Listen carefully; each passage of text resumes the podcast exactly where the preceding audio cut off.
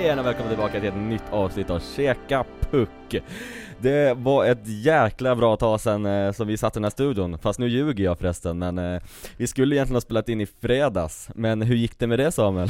Ja det gick inte så bra, hela avsnittet försvann så det, det kändes som vi spelade helt i onödan men nu är vi tillbaka igen och försöker köra om avsnittet och snacka om alla punkter igen. Ja det är bara att bita ihop och eh, komma tillbaka till det här nu för att, eh, men vi kan, ja, vi såg ju det lite så positivt att vi kunde ha det lite mer som en uppvärmning för att få ett ännu bättre avsnitt idag. Så det är det vi siktar på nu.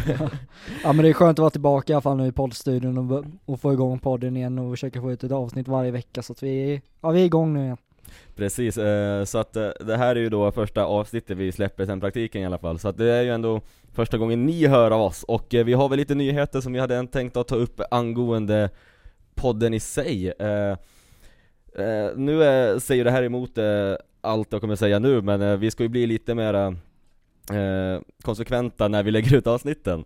Eh, och då får vi hoppas att det inte händer någonting som det händer nu, utan vi kommer ju sikta på att vi kommer lägga avsnitten varje fredag klockan sju.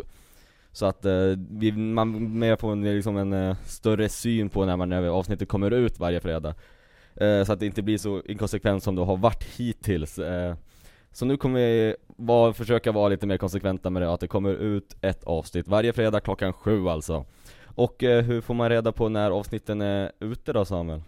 Jo men vi finns ju både på Facebook, Instagram, Twitter där vi försöker lägga ut ja, varje vecka ja, alla avsnitt och så att ni får tillgång till det och hittar det helt enkelt. Precis, och sen kan vi lägga ut lite bilder, roliga bilder när vi är ute i studion eller när vi är ute och träffar folk inom hockeyvärlden eller så. Eh, sen så delar vi och gör lite och eh, skriver saker angående om hockeyvärlden eh, förutom just podden.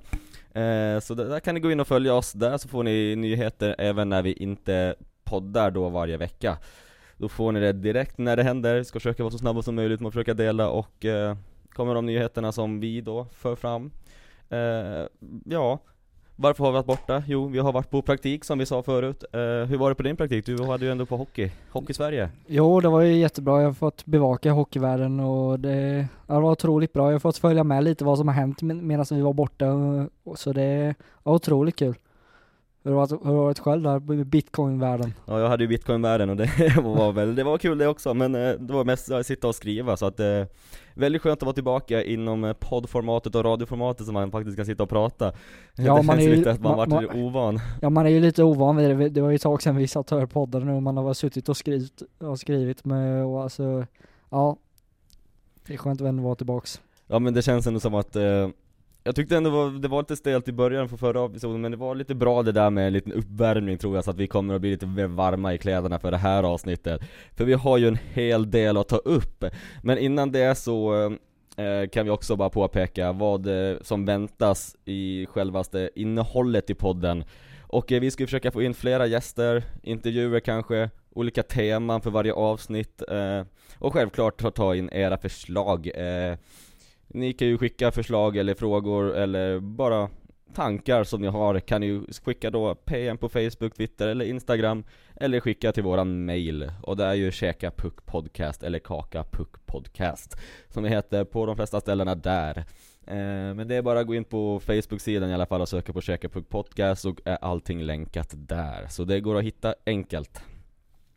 Så det är bara att skicka in förslag och eh, bara tankar, värderingar, frågor som vi kan ta upp i framtida avsnitt.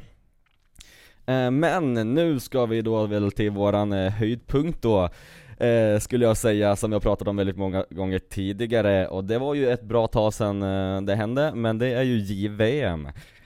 Ja, det gick ju ganska bra för Sverige där. Vi fick ju hem en bronspeng och eh, det, vi gjorde en väldigt bra turnering och det var inte många som hade de höga förväntningar på den här truppen, men det gick ju till slut rätt så bra faktiskt.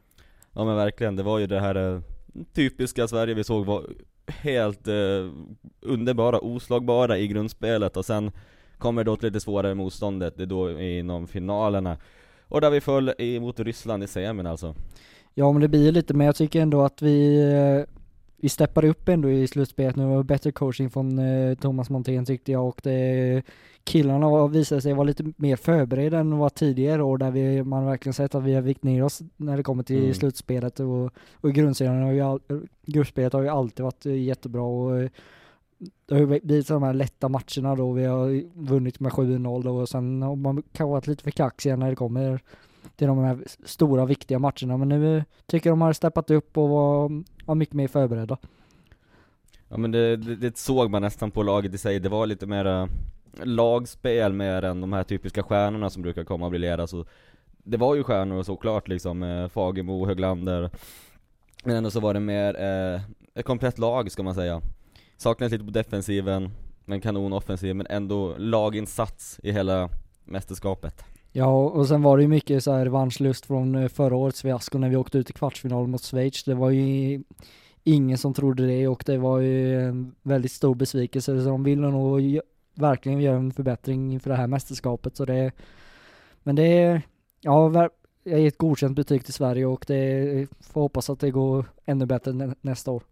Ja men precis, det är ju ett, ett brons, det är, det är nog inte någonting bara att se över utan det är ett brons ändå Ja absolut, och sen har vi ju Samuel Fagemo som vann totala eh, poängligan mm. och Viktor Söderström som jag tycker var turneringens bästa back så det Ja det var många ljusglimtar i den här turneringen för svensk del. Mm. Lite bättre än förra året om man säger så.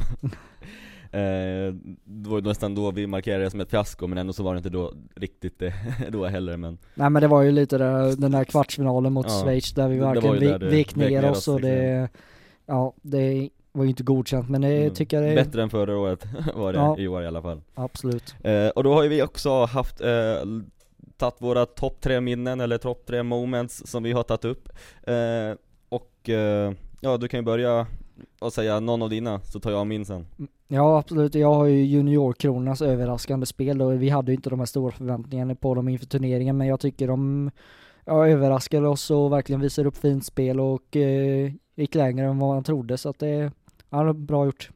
Mm. Eh, jag hade ju då tagit upp eh, som min topp, eh, ja jag har dem inte riktigt så listade i ordning men jag tog en som jag tyckte var, är klart för att eh, det bästa målet, det kan man ju lugnt säga, det var ju Nils Höglanders eh, Zorro-mål Där han eh, tog in, var det första matchen till och med? Ja, första match mot Finland i premiären så ja. drog han till med ett Zorro-mål som många snackade inför inför turneringens start att han skulle göra tack vare att han gjort det tidigare i SHL mm. så det var ju var är otroligt kul att se att han eh, gjorde direkt så i premiären. Ja, men jag hade faktiskt tagit en annan, ett annat mål där, ett annat konstmål och det var ju Schweiz eh, Gillian Kohlers tennismål eh, under matchen mot Sverige eh, Som var väldigt speciellt när han, det var någon hoppande pucke, den var liksom i luften, han bara tog klubban och slog den direkt in i mål. Långt ifrån målet också, måste man ändå påpeka, det var ett så här, Det var ett nummer. Väldigt eh, häftigt mål, som man inte ser så ofta. Nej men om jag ska gå vidare till eh, min nästa punkt, eller nästa plats på listan är ju utvisningslåten som eh, jag tycker det, jag kan förstå spelarna som att de inte var så glada när de blev utvisade för det var en ganska irriterande låt. Eh. Ja. Så det, ja det var lite kul. Det gick ju lite på hjärnan den här låten under mm. hela turneringen tack vare att det blev rätt så mycket utvisningar i vissa matcher så det var Ja, och när man såg så många matcher också. Mm. Man såg ju inte bara Sverige-matchen utan man tittade alltid på den som var efter, eller innan också. Eller delar av den, så att det kom ju, man, man fick höra den några gånger. Ja den blev ju en otroligt stor snackis. Ja, för den hade jag också på min lista mm. och uh, det är ju Alan Hawkshaw som har gjort den uh, som heter Charlie. Uh, Det var väldigt blandade med, med meningar om den när man tittade på nyhetsflödet på Facebook och kommentarerna så, för vissa hatar den och vissa älskar den. Och jag var på den sidan som älskar den för jag tyckte den var så rolig och Ja jag älskar den, jag, jag tycker vi ska införa den i SHL-arenan för det är otroligt svängig. Ja, den var riktigt rolig Uh, och du hade någon nummer tre där eller har du tagit alla? Ja, nummer tre där är ju, alltså turneringen i allmänt, jag tyckte det var en väldigt underhållande turnering, mycket som ett, ett JVM ska vara, väldigt lekfullt, det var unga spelare som ville mycket och verkligen visa upp sig för NHL-scouterna, så det är en otroligt bra turnering som jag hoppas att det fortsätter i Nordamerika nästa år. Precis, ja det var en väldigt bra turnering, det var det. Det var väldigt fint, inte bara liksom de här typiska topplagen som Kanada, Ryssland, Sverige, USA som var som visade upp sig utan det var många andra Ja, ett överraskande lag som verkligen, det var ju Tyskland som mm. jag tyckte ändå gjorde en väldigt bra, ja fick en väldigt bra start på turner bra start, turneringen och överraskade lite de här storfavoriterna men det, ja, det är roligt när sådana här små nationer ändå dyker mm. upp så som kan eh, ändå överraska oss Ja men det blir ju lite annat tänk då liksom när det flera lag som ändå är med och med i kampen liksom, så att det inte blir de här enkla segrarna i grundspelet och sen blir det bara de, de här typiska stornationerna i slutspelet, utan det var lite Det var bättre matcher liksom i sin helhet, så den kan jag hålla med om. Eh, Min tredje punkt var ju dock eh, ryssaren i semin, alltså när vi mötte ryssarna. Eh, Det blev ju förlängning, 3 mot 3 spel. Eh, Och det jag saknade, liksom med lite minuspoäng där, är ju eh, Nils Höglander när han eh, fick straff någon gång där i början på matchen, för han skulle verkligen behövas när det var det här 3 mot 3 spelet, han hade kunnat briljera där och kunna avgöra matchen Ja, han, han har ju sån stor puckkontroll och Mm. verkligen eh, kan ju leka med de här stora Ja. ytorna, så han hade ju varit perfekt i det där 3 mot 3 spelet, så det, det var en spelare som vi hade kanske behövt för att kunna ta, ta oss till final, men det, nej. Ja, men det blev som det blev helt enkelt, och vi nöjer oss faktiskt med en bronspeng där Ja och det är ändå, alltså, det jag kan ta med oss att, att det är viktigt att vin, gå ut som vinnare i sista matchen, det är någonting som verkligen man kan ta med sig till en, alltså, kommande turneringar, så att det blir verkligen, ja, se hur de tar an nästa turnering. Precis, och om vi ska gå vidare till nästa punkt så eh, tycker jag vi tar veckans NHL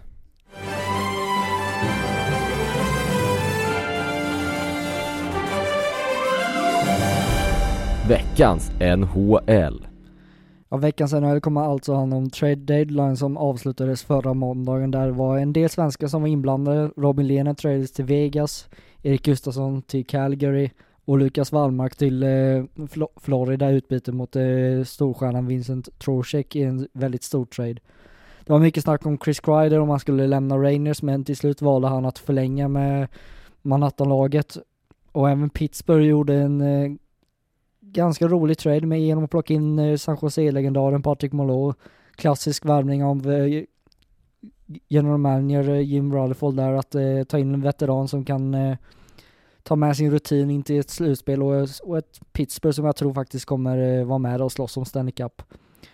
Och sen till slut var det ju mycket snack om Henrik Lundqvist om han, eh, vad som skulle hända med honom. Kunde han tradas till bort från Rangers i, inför trade deadline men det det slu- slutar med att han blir kvar i Rangers fram till sommaren, man får ju se vad som händer där. De har en liten situation där som inte håller med tre första målvakter med, så det kan hända att det, man får se Lundqvist i en annan, en annat lag i NHL nästa år. Ja det har varit lite tungt nu för Lundqvist där Ja, det var ju- jag såg ju igår, det var första matchen det, på en månad och han släppte in fem Ja, han- puckar mm. direkt så det, ja, det är ju, Ja det är en tuff period nej, man lider med honom verkligen. Ja men verkligen, han har ju varit kungen liksom, det ju aldrig ta slut. Eh, Men eh, tillbaka till Sverige, eh, någonting vi inte har pratat om så jättemycket men ändå som är på tapeten just nu är ju SDHL Det är finalerna ska börja snart till och med. Ja. Och det är ju mellan HV och Luleå.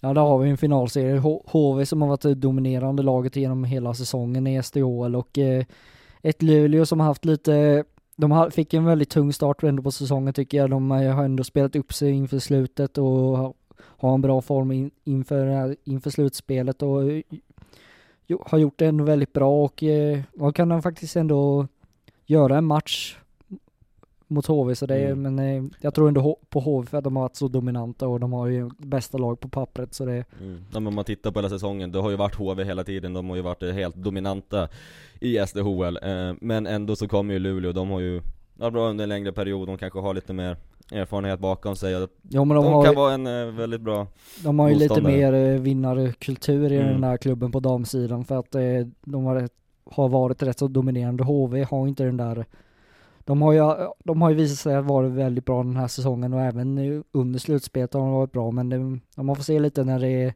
nu verkligen kommer till de viktigaste matcherna. mm. Får se hur vem som drar det längsta strået, det känns ju ändå som att det kan bli en väldigt bra matchserie där, en bra final Ja men det får vi hoppas på, det är två bra lag och det kan bli verkligen en kamp in till slutet. Precis, och det är just nu eh, säsongerna, det börjar ta, det närmar sig mot sitt slut eh, till och med i SHL, eh, det är inte så många matcher kvar nu innan slutspelet drar igång där heller, på här sidan.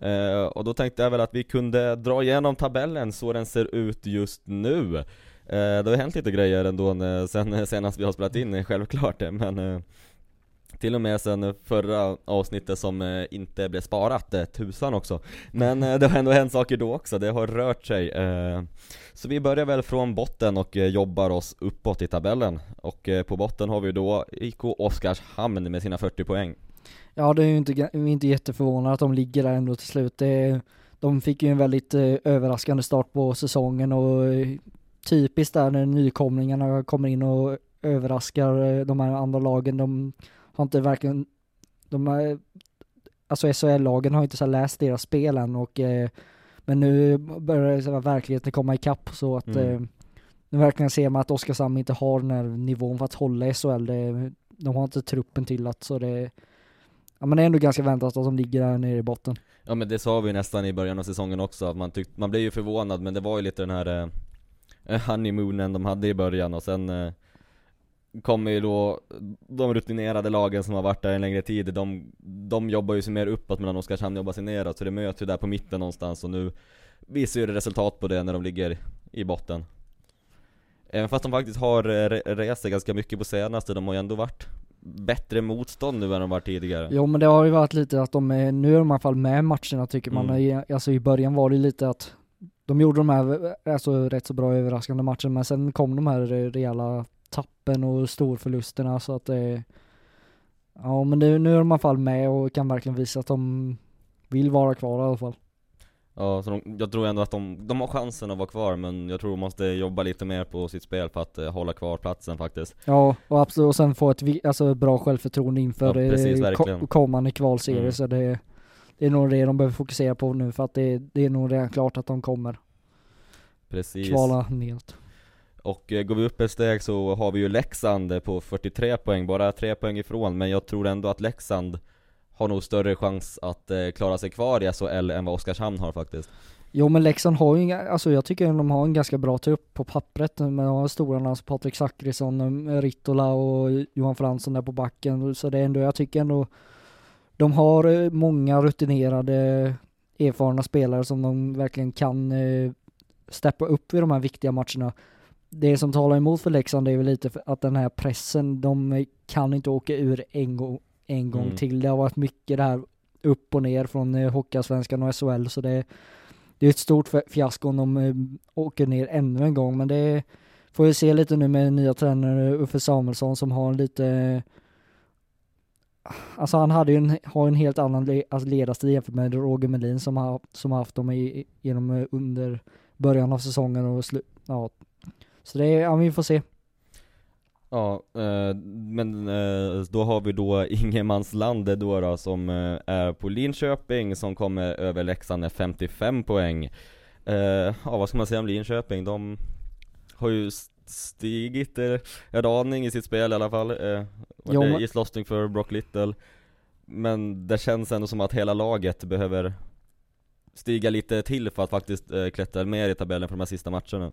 Ja de behöver ju ta upp det till eh, ännu en nivå. De har ju höjt sig sedan de plockar in Jonas Junland som är, har varit en liten ledande spelare för dem nu på, si, på senaste tiden och eh, kan verkligen lyfta det här laget. Och sen har vi Brock Little som har verkligen eh, kommit in i kanonform, eh, Mm. alltså från ingenstans. Man eh, undrar vad Brock Little var alltså under hösten och han var helt osynlig då men det de känner att de kanske har fått igång lite mer nu. Det var i början var det ju mycket att de eh, hade så här 2-3-0 ledningar som de tappade och Mm. förlorade till slut och inte kunde hålla spelare verkligen på ledning så det Ja det ser bättre ut för eh, Linköping men de behöver nog steppa upp om de ska ha en, någon chans att nå slutspel annars Men det kanske är något de behöver bygga upp nu, kanske ett långsiktigt mål nu med Mm. att de har plockat in Bert Robertsson som huvudtränare som gör sin första säsong och han är ändå ett, någonting som kan bygga något långsiktigt för Linköping för det kanske är något de behöver. Ja, men det, det känns ändå som att det är någonting på gång i laget, hela laget i sig liksom. det, det, det var lite som vi pratade om i början också, det är ett lag som, som siktar långsiktigt men inte riktigt den här säsongen. Eh, ja, Linköping. Över Linköping är ju alltså Brynäs eh, med 58 poäng. Och där, det är en lite konstig situation jag tycker som är med Brynäs, alltså de spelar bra men de tappar väldigt mycket inom matcherna. Ja men de gör ju som eh, vi pratade för om Linköping, de tappar sina ledningar och inte kan hålla dem och det blir eh, då, då rasar ju självförtroendet helt för tanke på om man eh, känner att ja, men vi har 3-0 ledning men ändå så har vi, alltså vi har inte det där för självförtroendet för att kunna hålla det och det är det ska inte få hända i så många matcher som det har hänt och att eh, Brynäs har ju haft en tung säsong haft det väldigt tungt genom hela säsongen mm. och det, de hade ju höga förväntningar på sig. De snackade om att de ska ta, ja vad var det, typ två SM-guld på fem år och, ja. eller, Det kan vara lite mycket press på dem också. Ja men det har varit mycket snack om att de ska vinna SM-guld och eh, de har plockat hem eh, Anton Redin och Niklas mm. Danielsson och så de har, de har stora förväntningar men det har inte hänt eh, någonting där riktigt så det, de valde ju att sparka Magnus Sundqvist där och det, nej, någonting behöver de, de behöver nog glömma bara den här säsongen och fokusera på nästa. Ja.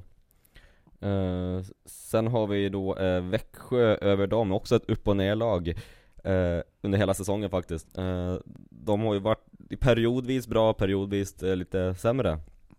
Ja men de... Lite svårt att sätta någonting på dem också men Ja men det är lite så att i, i början så gick det ju väldigt tungt för Växjö, man undrar vad som hände, tanke på att det är ändå Växjö som storsatsar och har har en väldigt bra tränare tycker jag som jag respekterar väldigt mycket med Sam Hallam. Och sen eh, att, eh, men nu ändå på våren så tycker jag de har spelat upp sig men det är fortfarande de här eh, ojämna resultaten. Det är, de kanske vinner två, två raka matcher men så kommer det två raka förluster och det är så här, verkligen mycket upp och ner och det är, så ska det inte vara i ett topplag som, som Växjö och med de ambitionerna som klubben har och de pengarna som verkligen satsas i den klubben så det, ja, det är inte godkänt där inte. Nej det är ju lite där, ungefär alla de här platserna har ju lite upp och neråt, eh, och det kan vi också lugnt säga om Malmö. Eh, De går ju också väldigt mycket upp och neråt, fast där är det mer match för match, vissa matcher spelar de jättebra, vissa matcher ja, tappar de också men Ja. Där har vi verkligen haft ett lag som ändå har varit på mitten Ja men, lite det, mer ändå. ja men det är så typiskt Malmö, de, de blandar med resultaten och så hamnar de i mitten av tabellen och det är ju där de alltså de alltid är och det, vi får ju se lite till nästa säsong, de, eh, Peter Andersson, huvudtränaren, väljer att eh, lämna laget och man kanske behöver någonting nytt där och det ryktas om Björklövens eh, tränare Joakim Fagervall att han ska ta över och det får man ju se om det händer någon förändring där. Mm. Och att eh, kanske det de behöver ta in nästa steg för just nu är de ett stabilt SHL-lag sedan de tog klivet upp men de behöver nog kanske ta ett ytterligare steg för att eh, att fansen ska komma till Malmö Arena och stötta laget för det har mm. inte varit så jättebra med folk på deras hemmamatcher så att den kanske behöver göra någonting så att fansen har någonting att tro på. Ja men exakt, det är ju som du säger, de har ju satt en grund för sin mm. liksom, framtida SHL SHL-spel. Uh, nu gäller det bara att ta nästa kliv och faktiskt kunna fightas lite mera inom slutspelet och kanske till och med sikta på något guld i framtiden. Ja det är ändå en klassisk klubb, Malmö, så det är, det är någonting som de, de måste ändå visa att de vill någonting med den här klubben och vill att de satsar på att försöka slåss om SM-guldet så det Ja, det är nog rätt att de gör någon förändring där på tränarbänken. Precis. Eh, sen har vi då från eh, toppen som har sjunkit ner där lite är ju Örebro eh, med sina 73 poäng, nu har jag missat lite poängställningarna där men 73 eh, poäng på, Malmö, eh, på Örebro i alla fall. Ja men de var ju lite eh, ett av de överraskande ett av de lagen som överraskade lite i början av säsongen. De, man trodde inte, jag tippade i Örebro nästan, ja, näst sist i, mm. efter 52 gånger, det kommer ju inte gå, bli av. Men att eh, det har också lite som jag nämnde förut med Oskarshamn, det är verkligheten har kommit ikapp och att det, eh, ja, det kommer, Örebro kommer hamna där i mitten och kommer ta en plats i åttondelsfinalen, men vi, vi får se vad som händer. Men det, de har ju inte den där erfarenheten i slutspelet heller, så det, Nej, jag tror att det blir Ja men det känns som att de kommer åka ut där i mm. slutspelskvalet uh, Ett uh, lag som uh, också har varit i toppen och sjunker ner till botten är ju Frölunda också, på sina 76 poäng just nu Eh, och det har ju bara hänt i loppet på några veckor nu bara, så att det känns ju helt sjukt. Vad har hänt med Frölunda egentligen? Ja det har ju blivit jävla ras där för att det är, det är lite så här motsatt effekt från förra året när de vann eh, CHL-guld så gick det bara uppåt för Frölunda men nu går det bara neråt för Frölunda när de vann CHL-titeln så det jag vet inte vad det är som har hänt där. Det, det känns som att de har tappat det helt och inte alls eh, hänger med i matcherna. Det, de blir utspelade till och med.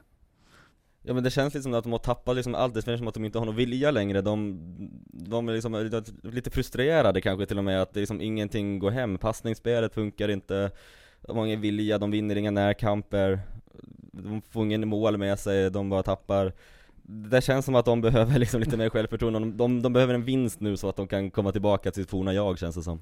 Jo men absolut, och jag tror att de behöver faktiskt ett eh, de vill nog verkligen att slutspelet ska börja, för där tror jag faktiskt Frölunda kommer bli ett helt annorlunda lag när väl slutspelet börjar, för där har de erfarenheten, de har ja, de här vinnarmentaliteten i sig, så det tror vi kommer se, för, se ett helt annat Frölunda när väl slutspelet är igång, men det är det är ju inte okej okay, de här senaste matcherna som de har visat upp. Det är vi, Frölunda är ett väntat topplag och det är, de ska inte vara där nere. De ligger ju till och med under topp 6 nu och kanske inte ens eh, ta en direkt kvartsfinalplats så det är inte okej. Okay.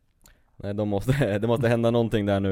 Eh, får se nu de kommande matcherna hur det blir. Eh, men på sjätte platsen där eh, kommer det till direkt eh, kvartsfinal har vi HV71. Ja, 78 det, poäng. Ja, absolut. Och det HV är ju lite svåra faktiskt i år, för man vet ju aldrig vad man har dem. Ena, ena dagen gör de en kanonmatch och sen andra dagen så är det gör de en rejäl plattmatch och det har, så har det varit genom hela säsongen. Det, de har ju förbättrat lite nu i special teams, de har fått igång det powerplay där Kinnvall De låg ju där i botten i special team, mm. i både två faktiskt va? Både ja. i boxplay och powerplay Ja, boxplay har de varit rätt så bra genom hela säsongen, men i powerplay har de varit usla under inledningen av säsongen, men de har fått igång gången med Johannes Kinnvall som har varit en, eh, en av SHLs bästa backar som har verkligen styrt upp powerplayet. Sen de fick in Elias Andersson nu som har verkligen kommit igång och han har han verkar verkligen lyft laget och kommer bli väldigt farlig till slutspelet och ja, jag får kanske lite vibbar för 2017 där faktiskt. När de vann SM-guld. Ja, men det är väldigt eh, helt och hållet intressant att se hur det går för HV för det känns lite som att de också kan vara lite sådana wildcard som har sett lite av de mediokra, skulle man nästan kunna säga i början liksom, men nu har de faktiskt gått och ändå gett motstånd till de här topplagen liksom som har varit i toppen hela tiden, som Luleå, Färjestad och Frölunda, de har ändå varit med och gjort bra matcher mot dem liksom. Ja men jag tror att de kan bli väldigt farliga till slutspel och det, det känns som att de kommer att vara ett litet lag som ingen tror på, riktigt bra men, på men verkligen kan överraska när det väl slutspelet drar igång. Yes, och på femteplatsen då har vi då hemmastarka Djurgården, särskilt på senaste. Eh, de tog ju det här rekordet eh, med 13 raka 13, ra 13 raka segrar ja, de har ju varit väldigt starka på Hovet men bortaspelet har ju inte alls funkat för Djurgården. Och Nej, det, är ju, de har varit två helt annorlunda lag liksom. och det är ju något man kan vara lite orolig inför ett kommande slutspel, att man nu bara vinner på hemmaplan och inte alls eh, får till det på bortaplan och det är det är någonting de måste fixa till och försöka Få igång ja. något spel där på Ja men tänka om lite så här, hur ska de göra? Kanske ska de göra något annorlunda under resorna till bortamatcherna? Mm. Men någonting liksom som ja, ska de, ska de förbereda sig annorlunda?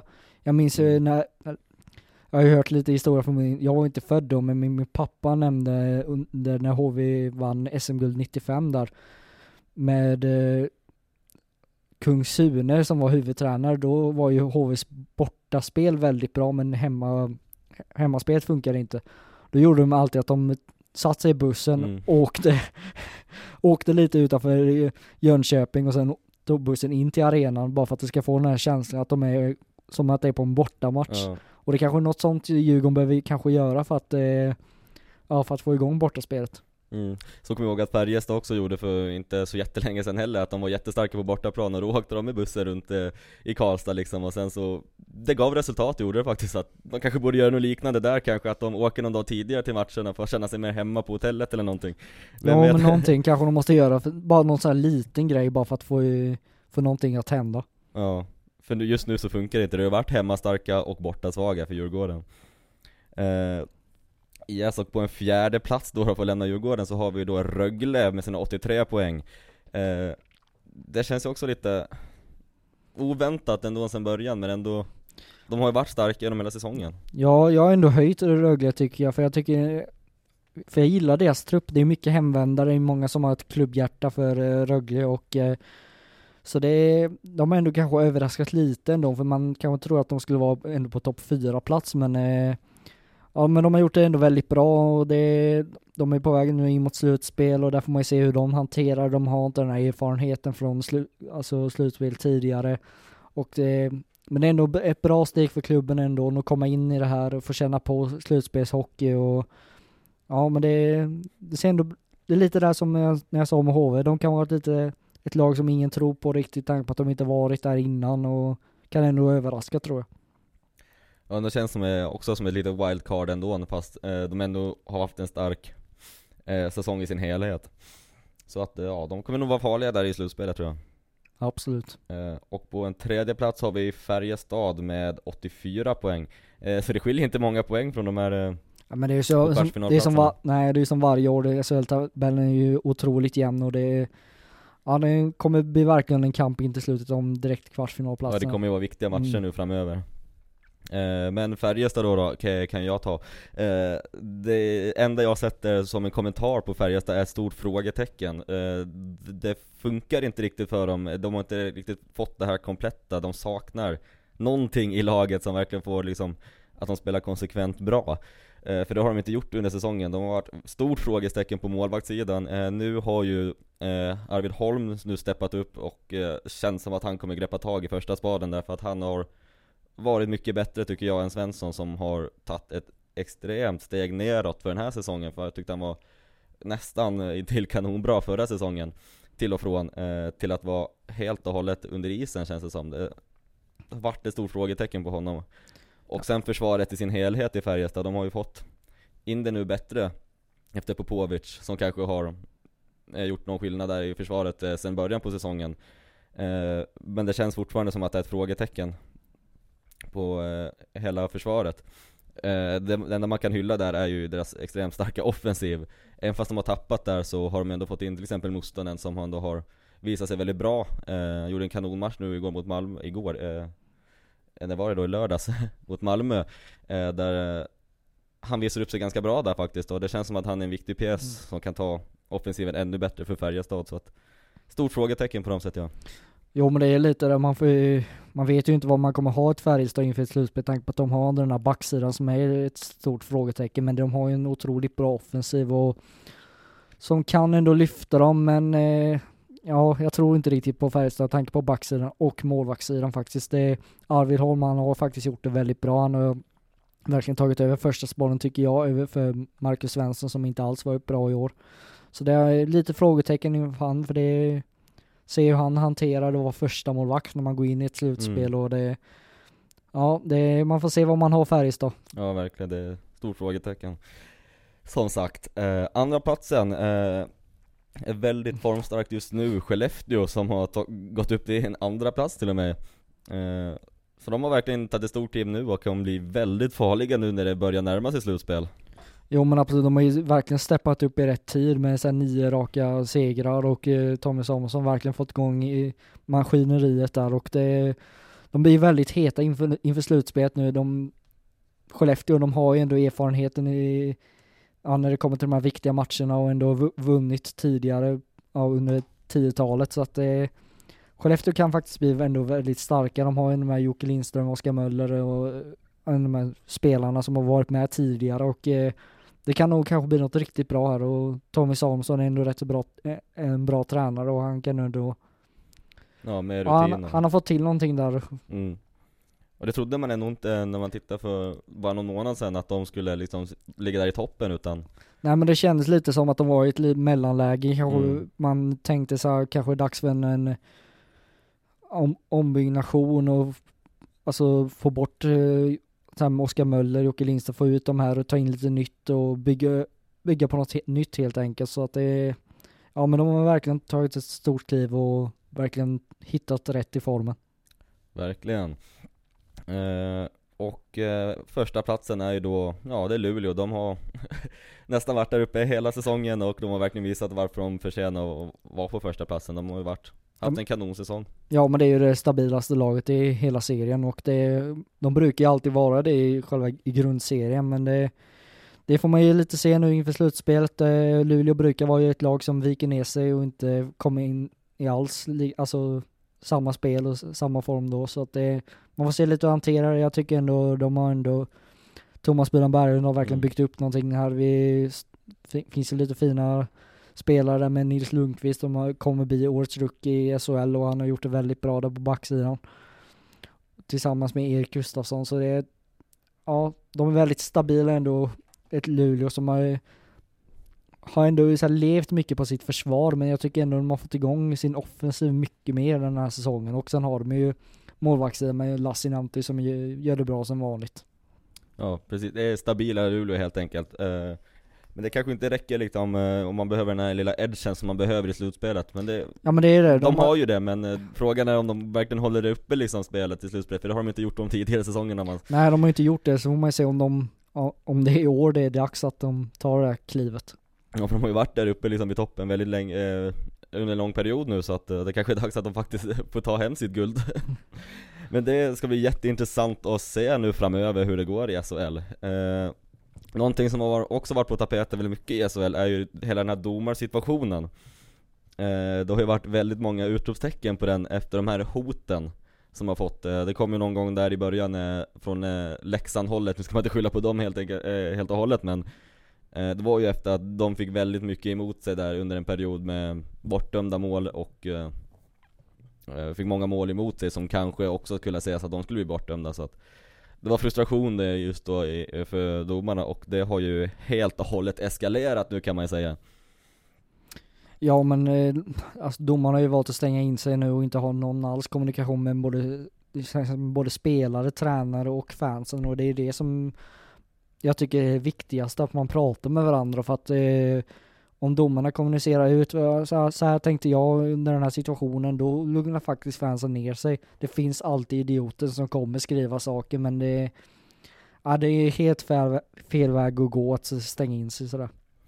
Ja men verkligen, det känns som att eh, självklart ska inte hot alls kunna eh, finnas, men jag tycker ändå att man ska ändå kunna tåla lite kritik som de ändå inte har gjort nu på senaste tycker jag, att de stänger in sig.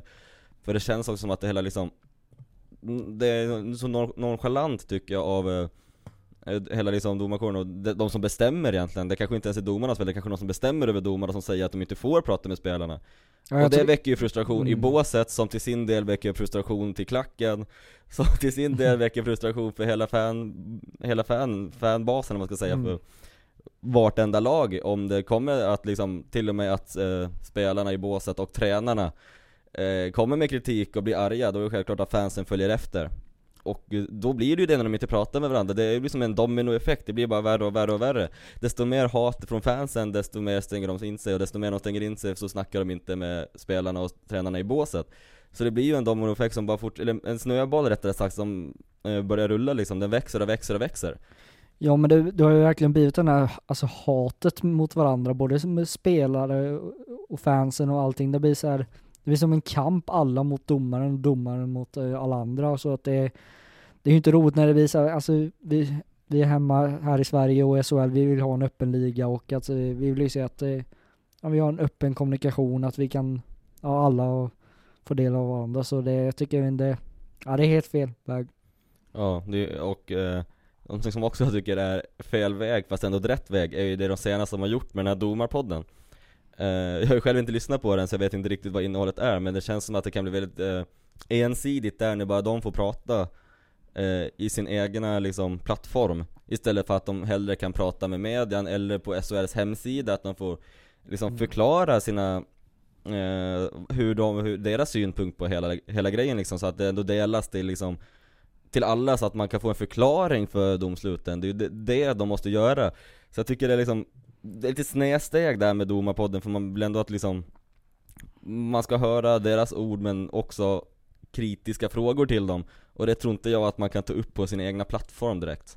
Nej och det blir, alltså visst det är ju det är bra att de har startat den här podden så att de har gjort någonting men det blir väl lite det här, de går halvvägs och och när man gör så här podd, alla har lyssnat heller på podden och det Alltså, då kommer ändå en hot med tanke på att det är bättre att göra, kommunicera direkt ut efter matcherna eller dagen efter, för det är då fansen verkligen är förbannade över ett domslut.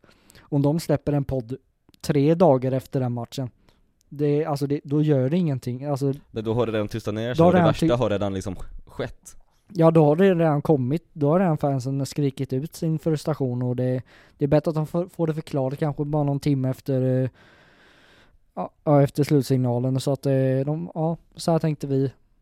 Men det är jätteenkelt egentligen att bara kommunicera. Om de gör det i simor sändningen eller om de gör det på SHLs hemsida. Det får de ju välja vad de tycker är bäst. Men det, Ja, men en förklaring tycker jag ändå att alla ska liksom ändå eh, få ta del av, få ta del av deras eh, synpunkter på det hela, domarnas alltså. Mm. Eh, För att ja, det blir ju som sagt en snöboll, det blir Ja men vi är alla människor och människor gör fel och det, så, så är det ju bara och Mm. de, man accepterar ju om de, man bara får höra. Ja. Mm. För det tror jag är som kommer lugna ner det hela, för att nu måste det hända någonting i alla fall som faktiskt lugnar ner situationen. Det har väl lugnat ner sig lite, men till slut kommer det en till liksom eh, en, eh, en skandal eller någonting som har varit väldigt svårt att bedöma och då kommer ju nästa att det blir fansen mot domarna och det, det kommer ju inte sluta om det inte Nej. händer någonting utan det kommer ju, nästa skandal kommer ju påverka ännu mer om det inte liksom lugnar ner sig helt och hållet. Och, och sen nu när slutspelet drar igång så kommer ju känslorna öka ännu mer för Mm. nu är det ännu viktigare matchen. Nu handlar det ju lite mer på liv och död eh, för de här lagen och för fansen och allting så att det är Ja vi får se så att hoppas bara att det inte eskalerar i slutspelet så, så det Nej man vill ju ha ändå Men de får en lugn s- situation Mm. liksom, men fast ändå mycket känslor men inte hatiska känslor. Nej, men jag får hoppas att de kollar över den här situationen till nästa år och att det, ja, det kanske blir bättre på kommunikationen. Ja, för det har varit det väldigt länge där och håller på också så att det måste i alla fall ses över till nästa säsong och kanske till och med liksom finslipa eh, regelboken lite bättre så att det blir tydligare med sina domslut för att nu känns det som att de har ändrat ganska mycket på senaste också så att det känns som att det är liksom oklart vad som är rätt och fel just nu så att eh, kanske finslipa regelboken till nästa säsong prata mer med spelare, fans, eh, tränare och få en mer öppnare liga. Det känns som att det måste hända någonting just nu. Eller till nästa säsong i alla fall. Eh, någonting eh, mer som har hänt i SHL, eller hade du mer att säga? Nej, det är, jag var klara. Ja, eh, du tog in ett andetag så jag bara tänkte, ja nu Men eh, någonting mer som har hänt är ju, eh, vi hade en tävling eh, för inte så länge sedan eh, Vi gissade någon gång i början på vilken tränare blir sparkad först i SHL eh, Och jag tog hem den tävlingen. Det var ju Brynäs som sparkade Magnus Sundqvist som jag sa i början också, jag hade rätt på den så jag hade en bra Ja, den vann du. Jag tippade ju på Peter Andersson och så det, ja, den, tog, den tävlingen tog du och det, Ja, det, det var ju ganska ändå väntat att de eh, Brynäs valde sparka Magnus Sundqvist tanke på den här säsongen de har haft så det, ja, Precis, och sen är det ju fler vad heter det, tränare som kommer bli sparkade eller eh, ha- Har fått är sparken. klart, har, har Mm. fått, men de kanske är kvar till slutet av säsongen eh, Och eh, där har vi då Håkan Åhlund också som får gå av Ja, det var ju en jättekonstig situation där, tanke på att det, det var mycket snack om innan att det, att det var många, om man har så här miss, inte misshandlat men eh, hot, varit lite på så här anställda i klubben och varit väldigt hårda mot dem så här, ta väldigt hårda tag och eh, men sen eh, direkt när han fått sparken så försvarar faktiskt spelarna tränaren i media efter, eller Hå- Håkan Åhlund efteråt och det tycker jag är en ganska fel väg att gå tanke på att man ger inte stort förtroende för mm, Perra Jonsson som kom in och tog över för att tänka på att de sitter och pratar om den gamla tränaren nu, att de inte fokuserar på det nya namnet Mm. och vad de kan göra i framtiden och bara gå tillbaka och bara säga nej det var fel och ja det blir lite spelarna mot klubbledningen, det blir inte någon bra situation där helt enkelt. Nej det, det, det påverkar ju spelet också om det fokus på fel sak liksom. Man ska ju egentligen ha 100% fokus på sitt spel eh, Inte på vad som händer i klubbledningen egentligen. Så det var en konstig situation som hände där. Eh, Sen har vi då eh, Roger Melin som också får lämna. Och det kände väl också. Ganska väntat ändå. Ja, och det jag kommer ihåg att jag gjorde en intervju med honom dagen efter han fått sparken och då sa han att ehm, jag blev förvånad att det inte kom tidigare det här beslutet så han var ju det var ju ganska väntat att han fick sparken och Leksand behöver göra någonting för de, Mm. alltså de får inte upprepa det här fiaskot att åka ur en gång och nu har de tagit in Tuffe Uffe, Uffe Samuelsson där så har ja, helt annorlunda ledarstil och verkligen kan eh, jag tror faktiskt på att han kan rädda kvar Leksand. Ja det känns som att de, och eh, för hans del också känns som att eh, han går rätt väg, han eh, går in i AIK nu Som verkligen behöver hända någonting där också. Och han tror jag faktiskt är helt rätt man för AIK som ändå har koll lite på klubben, han har varit där många gånger tidigare Och han kan nog faktiskt höja dem. Ja men det tror jag absolut. Han är det rätta namnet och han kan verkligen, tro, tror jag verkligen kan lyfta AIK att eh, hålla sig kvar i Hockeyallsvenskan för det är han är ju lite, han har ju varit, det var ju samma sak när han kom in i Leksand, han räddade ju kvar klubben där i Hockeyallsvenskan och ändå tog det här steget ända till SHL, det var ju magisk säsong där. Men eh, ja, det, tror att han kommer faktiskt rädda kvar AIK för han har den där rutinen och eh, kan nog få, få, få ner spelarna på jorden och verkligen ja, samla laget inför de kommande matcherna. Ja det känns som att eh, det kan gå bättre nu för AIK. Eh, sen eh, lite mer färskare nyhet är ju Tommy Samuelsson som får lämna Skellefteå efter säsongen. Jo det blir klart idag att han inte förlänger och eh, kommer lämna och det Ja men det är väl, alltså det är lite tråkigt ändå för han har ju ändå fått igång laget nu och kanske mm. kunde bygga upp något inför framtiden men nu väljer han att eh, lämna och det får man ju se vart hans tränarkarriär tar vägen om man, man kanske lägger av helt för han har ju varit länge med. Mm. Eller så om man tar steget över utomlands. Det kanske är något bud där ja, från Schweiz Han kanske till och med känner att han vill ta nya tag någon annanstans mm. liksom på att uh, Det har ändå varit ett ganska stort frågetecken på honom ändå när han har varit i Skellefteå jo, ett men... tag nu så att det känns ändå som att jo, man... Han kanske ville ha något nytt liksom Även ja. fast han har fått igång dem mot slutet så har det inte riktigt funkat tror inte jag heller eh, Nej absolut och det är, Men jag tror det är väldigt eh, liten chans att att han står i något annat SHL-bås nästa säsong tror jag faktiskt. Nej det känns mer som att antingen så kommer han lägga av eller så kommer han eh, ta nya tag någon annanstans. Eh, ja det är stor frågetecken på det också helt enkelt, vi får se. Eh, det är mycket som eh, eh, är kvar i, det, vi går mot slutspel, det är jättemycket roligt eh, som förväntas. Vi kommer självklart komma tillbaka varje fredag om det inte händer någonting igen, vilket vi inte hoppas, utan vi ska försöka få upp ett avsnitt eh, klockan sju varje fredag helt enkelt. Eh, men det här var allting för oss idag, så eh, får vi då ses redan nu på fredag. Hej då! Hej då!